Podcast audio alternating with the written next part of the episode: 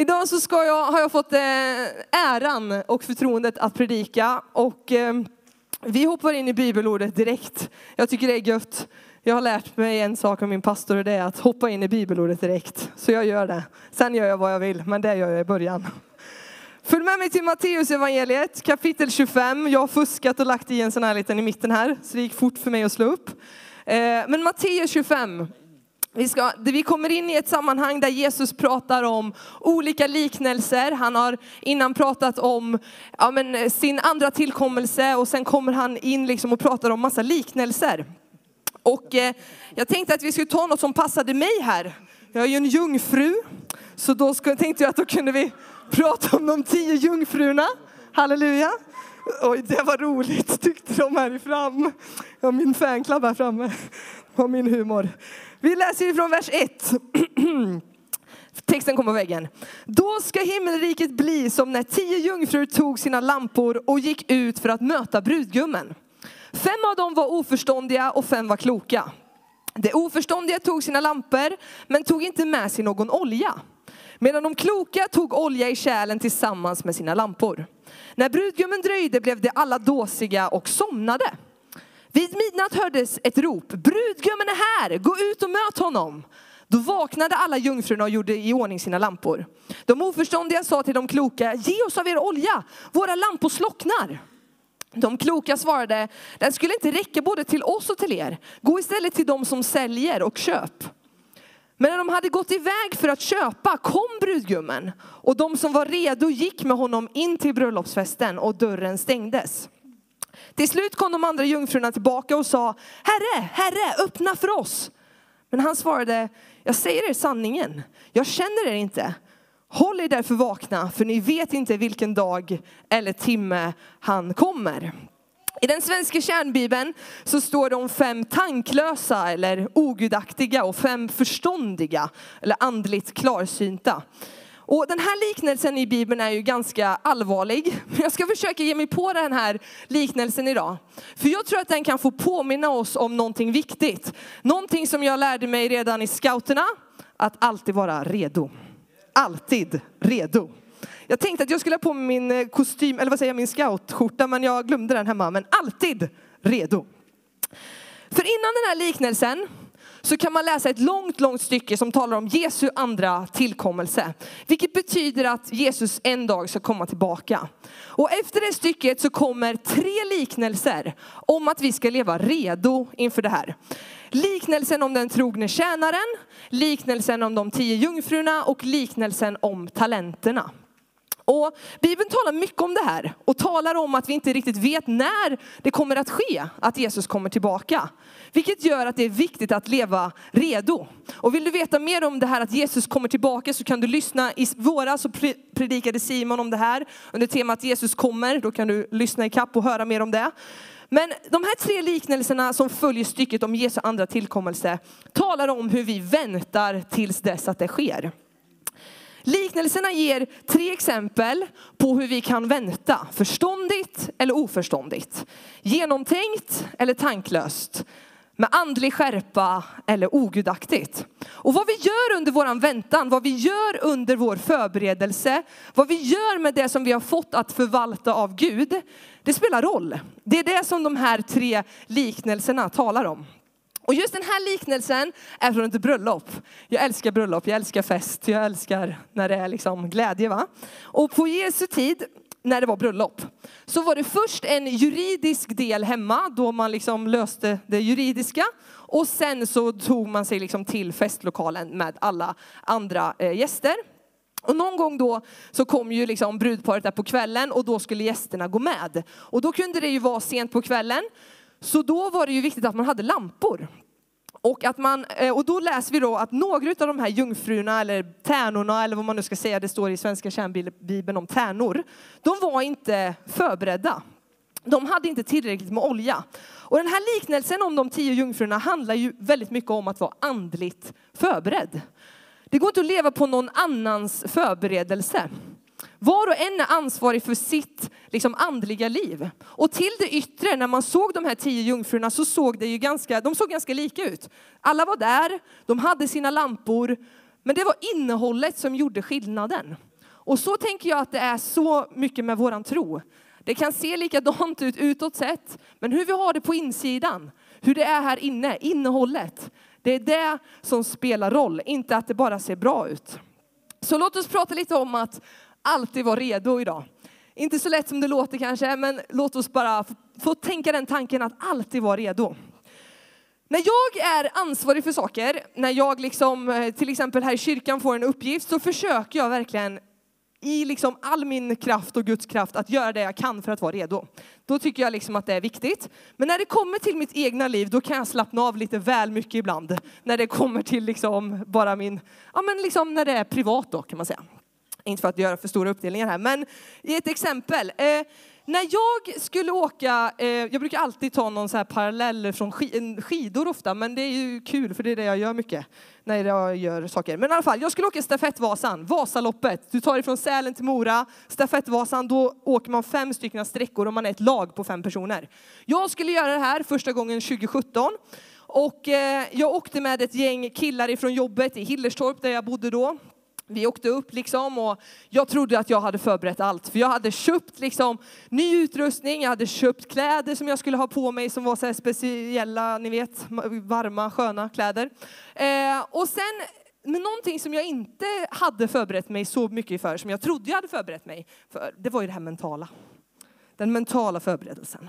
Så när jag kommer fram, så den här dagen då när vi ska åka det här loppet, då, eh, då tänker jag så här att nu, nu börjar det bli jobbigt här. För jag började bli kissnödig, illamående och nervös på samma gång. Så jag börjar zona ut så här och bli väldigt så tunnelseende. För jag tänker om jag, inte, om jag ska klara det här och inte svimma så är det bäst att jag bara fokuserar på det mest nödvändiga just nu. Och vi går runt där och förbereder oss och alla ska packa ut i bilarna för att vi ska ta oss till starten.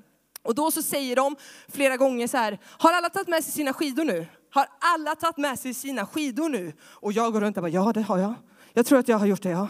ja. ska vi åka nu? Ska vi åka nu? Ja, ja. Och sen går jag ut och sätter mig i bilen och tror att mina skidor är med. När vi kommer till starten, där jag ska starta andra sträckan, så säger vi, ja men då får vi ta ut allas skidor. Så då tog de ut, skulle vi ta ut mina skidor. Kollar i den första takboxen. Finns inga skidor. Kollar i den andra takboxen, det finns ändå 50 chans att de ligger där. Det finns inga skidor. Och nu börjar det bli jobbigt på riktigt. Nu börjar Ellen Lorentzon drabbas av panik. Och jag har på mig såna här snabba glasögon man har på sig när man kör skidor. Och under det så står jag och bara och gråter liksom. Och jag hade panik på riktigt. Eh, och då kände jag så här, det här var inte bra. Jag som hade laddat, förberett mig och allt tyckte jag var ju på plats. Och så glömmer jag skidorna. Det här är inte bra när man ska åka skidor 2,4 mil. Så jag inser så här att jag som trodde jag var redo, när det väl kom till kritan, jag var inte redo. Som tur var hade jag nio styckna företagarsjälar runt mig där som är väldigt lösningsorienterade som säger det, men det här löser vi vet du. Det här ska gå bra. Du ska åka loppet. Jajamän, inga problem. Så vi började titta där på vem, liksom, vilken kroppsstorlek är ungefär lik min. Vi hittade en farsa där som heter Ulf, ungefär lika lång som mig.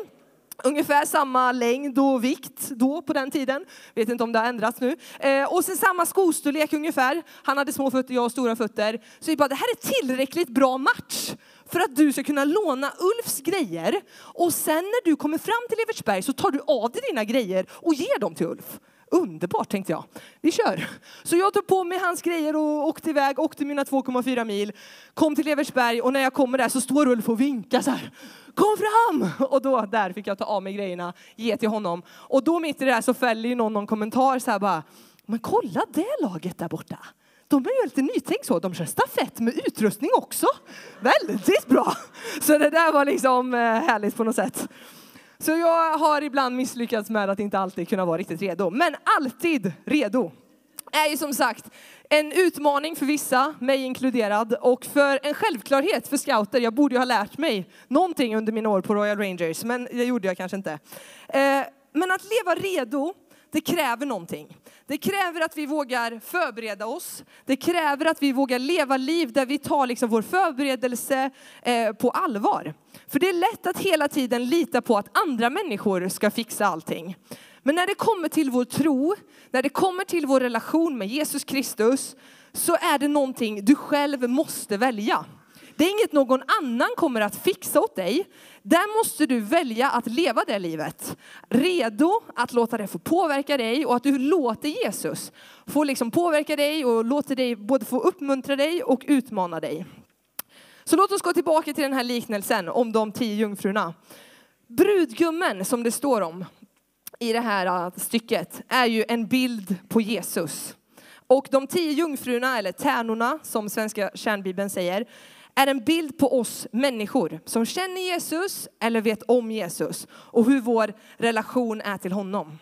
Och brudgummen kommer en dag att komma tillbaka och han vill ta med sig gäster på festen. Han vill ta med sig de som känner honom och är redo.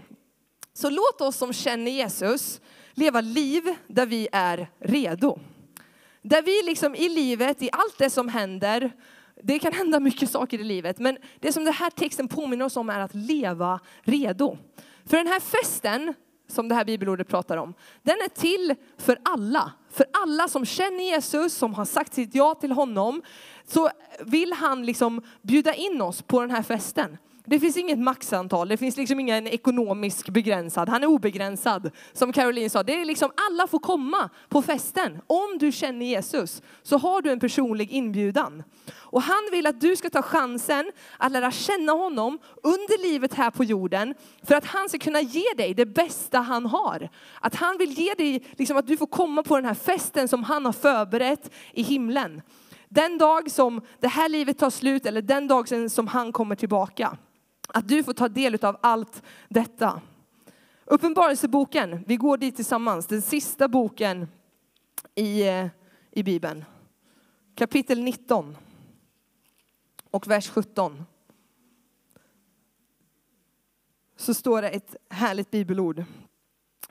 Eh, låt oss glädjas och jubla och ge honom äran. För lammets bröllop har kommit och hans brud har gjort sig redo. Alltså det som det här bibelordet bety- eller handlar om, eller det man kan förklara det som, är att lammet är även här en bild på Jesus. Att Jesus han har förberett ett bröllop, han har förberett en fest och hans brud, församlingen, har gjort sig redo. Eh, jag tycker det här är fantastiskt. Du vet, vi svenskar, vi är bra på mycket saker. Men när det är en sak som vi inte är så bra på så är det liksom fest kanske. Vi är lite stela. Och alla som inte var svenskar, nej jag ska.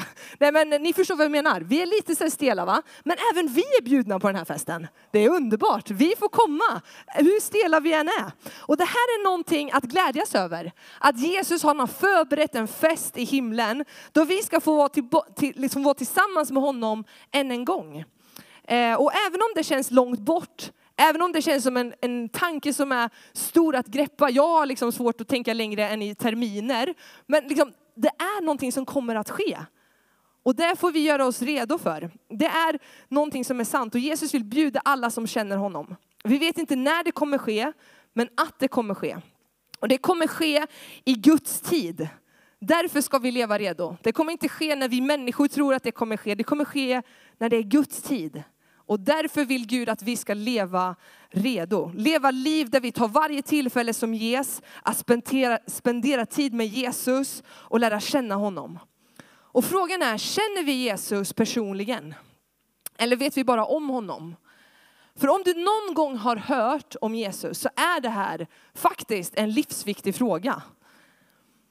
Du vet de tio jungfrurna, Skillnaden på de fem som man kallade för oförståndiga och förståndiga var en sak, som jag kan se det eh, i alla fall. Eh, för alla var ju närvarande. Till de yttre hade de samma sak på plats. Men det som skilde dem åt var deras förväntan. Det var deras förväntan. För de fem förståndiga, de, hade, de var närvarande till och väntade på brudgummen. Men de hade också en förväntan att han kommer. För de var förberedda för att han skulle komma. De andra fem, de tänkte kanske, äh, men vi får se om han kommer. Alltså vi, äh, jag tror inte det kommer hända något idag. Alltså vi kom, det kommer säkert vara imorgon. Och man kanske också vill lösa det på egen plats. Vadå, vadå, jag kan klara det här i egen kraft. Jag behöver inte förbereda mig massor. Det löser sig. Att man är lite nonchalant till det. Och, men att man vill visa liksom att, till det yttre att äh, men det, det löser sig. Liksom. Men det som händer för de här fem är att när det väl kommer till kritan, för de här fem oförståndiga, när, när tron och relationen med Jesus verkligen spelar roll, så är de inte redo. Man har inte tagit vara på den tiden man har fått och tänker att man kan ta det en annan dag. Men det som den här liknelsen så tydligt lär oss är att Jesus vill påminna oss om att ta varje tillfälle som ges. Att ta den stunden som vi får, att söka honom, att vara tillsammans med honom och att leva liv som är redo för hans ankomst. Leva ett liv där vi varje dag sätter vårt fokus på honom. Varför då? Jo, för att Jesus han har gjort det möjligt för oss att få komma på den här festen. Att få en relation med Fadern i himlen. Han har gjort det möjligt för oss och han vill inte att vi ska missa det. Han vill att vi ska få ta del av det och det kan vi göra genom att ha en relation med Jesus. Men det börjar med en egen längtan. Det börjar med att utifrån vetskapen om vem Jesus är, att vi vill säga vårt ja till honom. Utifrån kunskapen om Jesus vill vi leva ett liv där vi lever i en relation med honom. Där vi, utifrån, liksom, där vi lever redo med ett fokus på uppdraget. Att vi vet att vi får göra det utifrån nåden, att han älskar oss villkorslöst och att han vill genom kraften av den helige Ande att vi ska få gå ut och berätta för andra människor också om vem Jesus är, vad han har gjort för mig. Att vi kan få berätta för honom i ord och i handling, eh, om, med våra liv, hur vi lever. Vem han är. För om man aldrig har hört om Jesus är det väldigt svårt att vara redo. Om jag aldrig har hört om honom så kan jag inte heller liksom vara redo för någonting som jag inte vet att jag ska vara redo inför. Om jag inte har hört om eller känner Jesus, varför ska jag då bry mig om Jesus och att han ska komma tillbaka? Det är helt orelevant. Vad har det med mig att göra då? Men låt mig berätta för dig varför du ska bry dig. För i kyrkan och i vår trosbekännelse så talar vi om att Gud han är tre i en. Gud Fadern, Jesus Sonen och den helige Ande. Och vi läser i Bibeln att när de, när de här tre skapade himmel och jord och de hade skapat allting och såg liksom att det här var gott, så skapade de även människan till sin avbild och sa wow, det här är mycket gott. Och ville sen att leva i relation tillsammans med människan. Eh, och det som händer då i det här eh, är att sen att människan vill sätta sig upp emot Gud. Och det är då som synden kommer in i världen. Och synd är det som för oss bort ifrån Gud. Under hela gamla testamentet så läser vi om hur man var tvungen att leva liksom efter lagar och regler. Hur man var tvungen att offra eh, liksom brännoffer eller djuroffer, olika slags offer till Gud. För att kunna få liksom, komma och leva i relation med honom. För att kunna närma sig Gud. Men det som händer är att Gud inser så här, ah, men människan kommer inte klara det här i egen kraft. Så då väljer han att liksom tänka till så här, okej okay, men jag har en plan för det här. Gud har alltid en plan. Så han sände Jesus till jorden. Gud i mänsklig gestalt. Som kommer ner på jorden, lever som en människa och väljer att bli som en av oss. Han väljer att ta mänsklighetens synd på sig och dö på ett kors. Så att hans offer ska bli det fullkomliga och slutgiltiga. Innan hade liksom olika offer behövts göras. Det hade behövts göras gång på gång, om och om igen. Men när Jesu blod rann för din och min skull, gör det att synden inte längre har någon makt över oss. Innan var synden någonting som höll oss borta ifrån Gud. Någonting som gjorde att vi inte kunde närma oss Gud. Men genom Jesu offer på korset, det slutgiltiga offret, så har synden inte längre någon makt över våra liv. Och, och gåvan blir inte bara liv, det blir evigt liv. Romarbrevet kapitel 6 och vers 23 säger att syndens lön är döden, men Guds gåva är evigt liv i Kristus Jesus, vår Herre. Första Korintierbrevet 1 och 18 säger att ordet om korset är en dårskap för dem som går förlorade. Men för oss som blir frälsta är det en Guds kraft.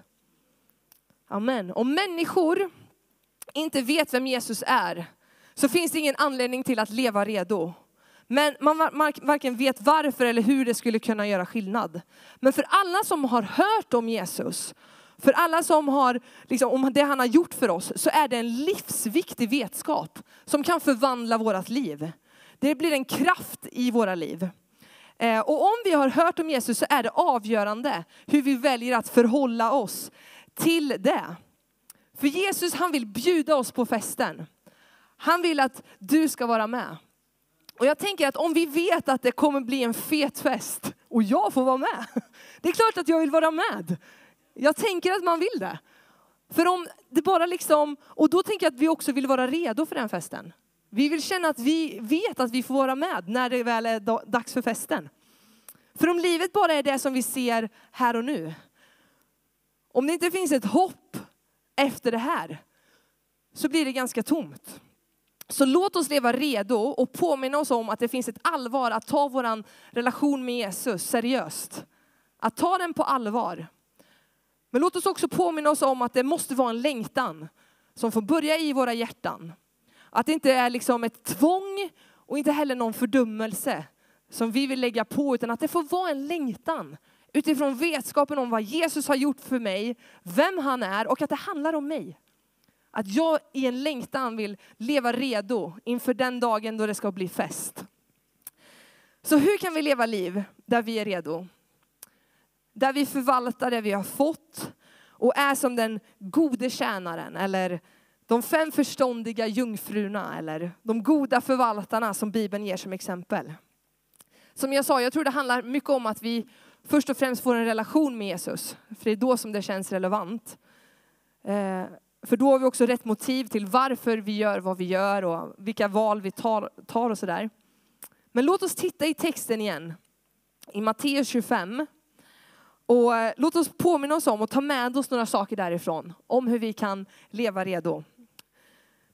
Det första som det står och det som är skillnaden mellan de här äh, jungfrurna är ju att de har, vissa har olja i kärlen och vissa har inte olja i kärlen. Det förståndiga hade olja i sina kärl och i sina lampor. Olja i Bibeln är ofta en bild på den helige ande. I första Samuelsboken kapitel 16 och vers 13 så kan vi läsa om när Samuel ska smörja David till kung. Och han tar fram sitt eh, oljehorn och smörjer David så att han får bli kung David. Och då står det i det bibelordet att Herrens ande kom över David från den dagen och framöver. Alltså olja är en bild på den helige andes närvaro i våra liv. Olja är även i allmänhet liksom känt för sin smörjande funktion. Eh, jag är glad att man kan lämna in bilen på service och att de byter sånt där, för jag kan inte så mycket om olja i bilar och sådär. Men jag vet i alla fall att det är bra att det finns olja, för annars så börjar det gå kärvt. Va? Det börjar att knacka och det kan låta lite konstigt. Eh, någonting jag vet, nu har jag inte något bra exempel på mig idag här, men jag har jobbat med skor och jag vet att läderskor, de gillar liksom att få lite fett ibland, att få lite olja. För det gör att de håller, liksom, håller längre, att det ger liv till, till skinnet.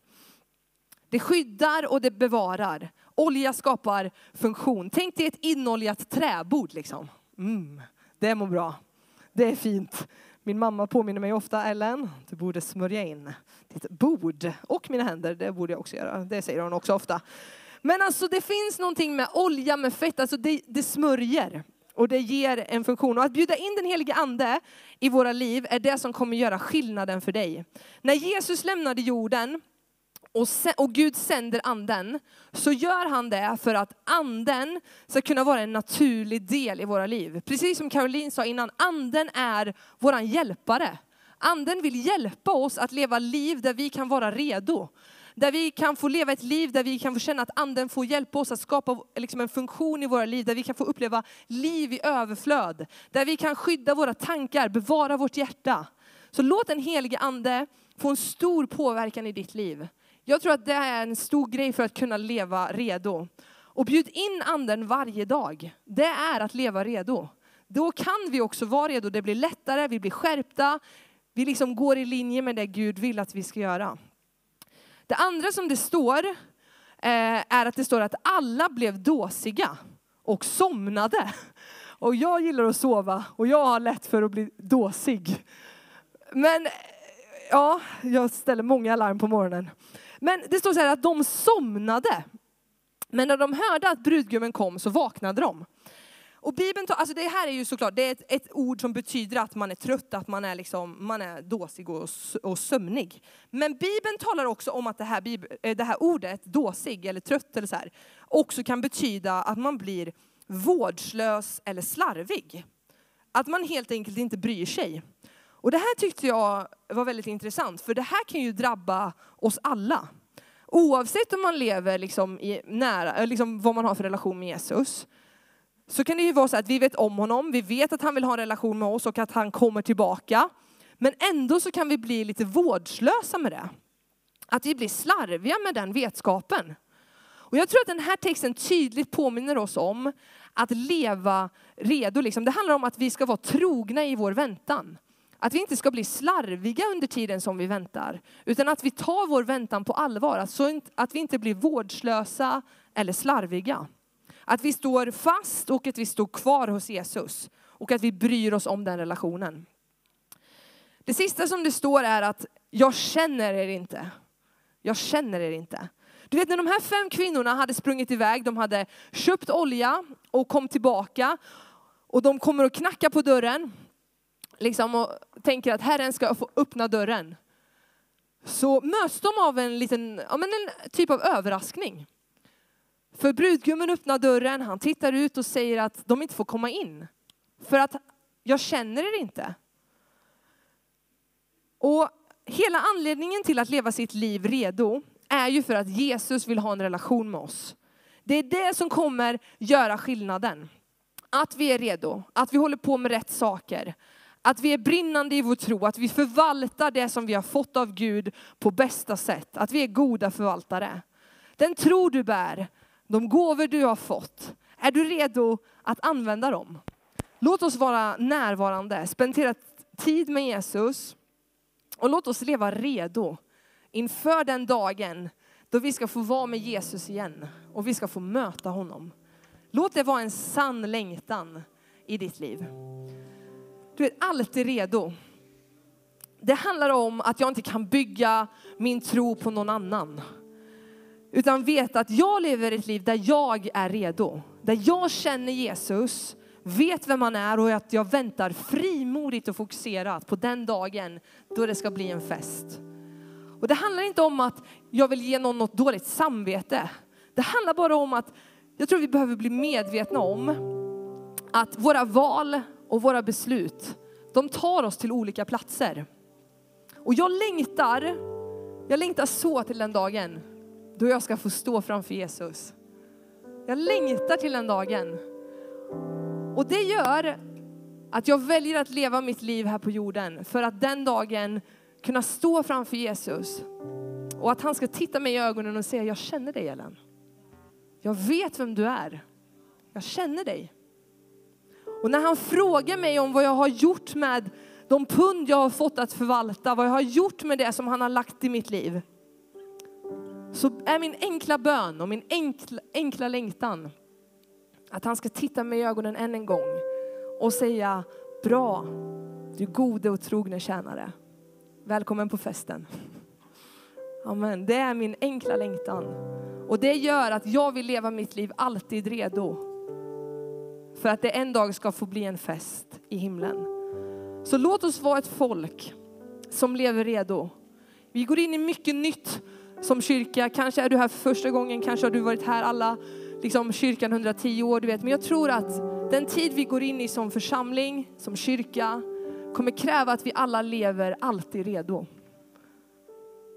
Jag tror att det finns någonting i det som Gud vill påminna oss om. Som bryr oss, som inte är slarviga utan varje dag sätter fokus och stämmer in med tonen i himlen. Låt oss leva liv som gör skillnad för mig, för andra och för Gud. Alltid redo, varje dag som vi får.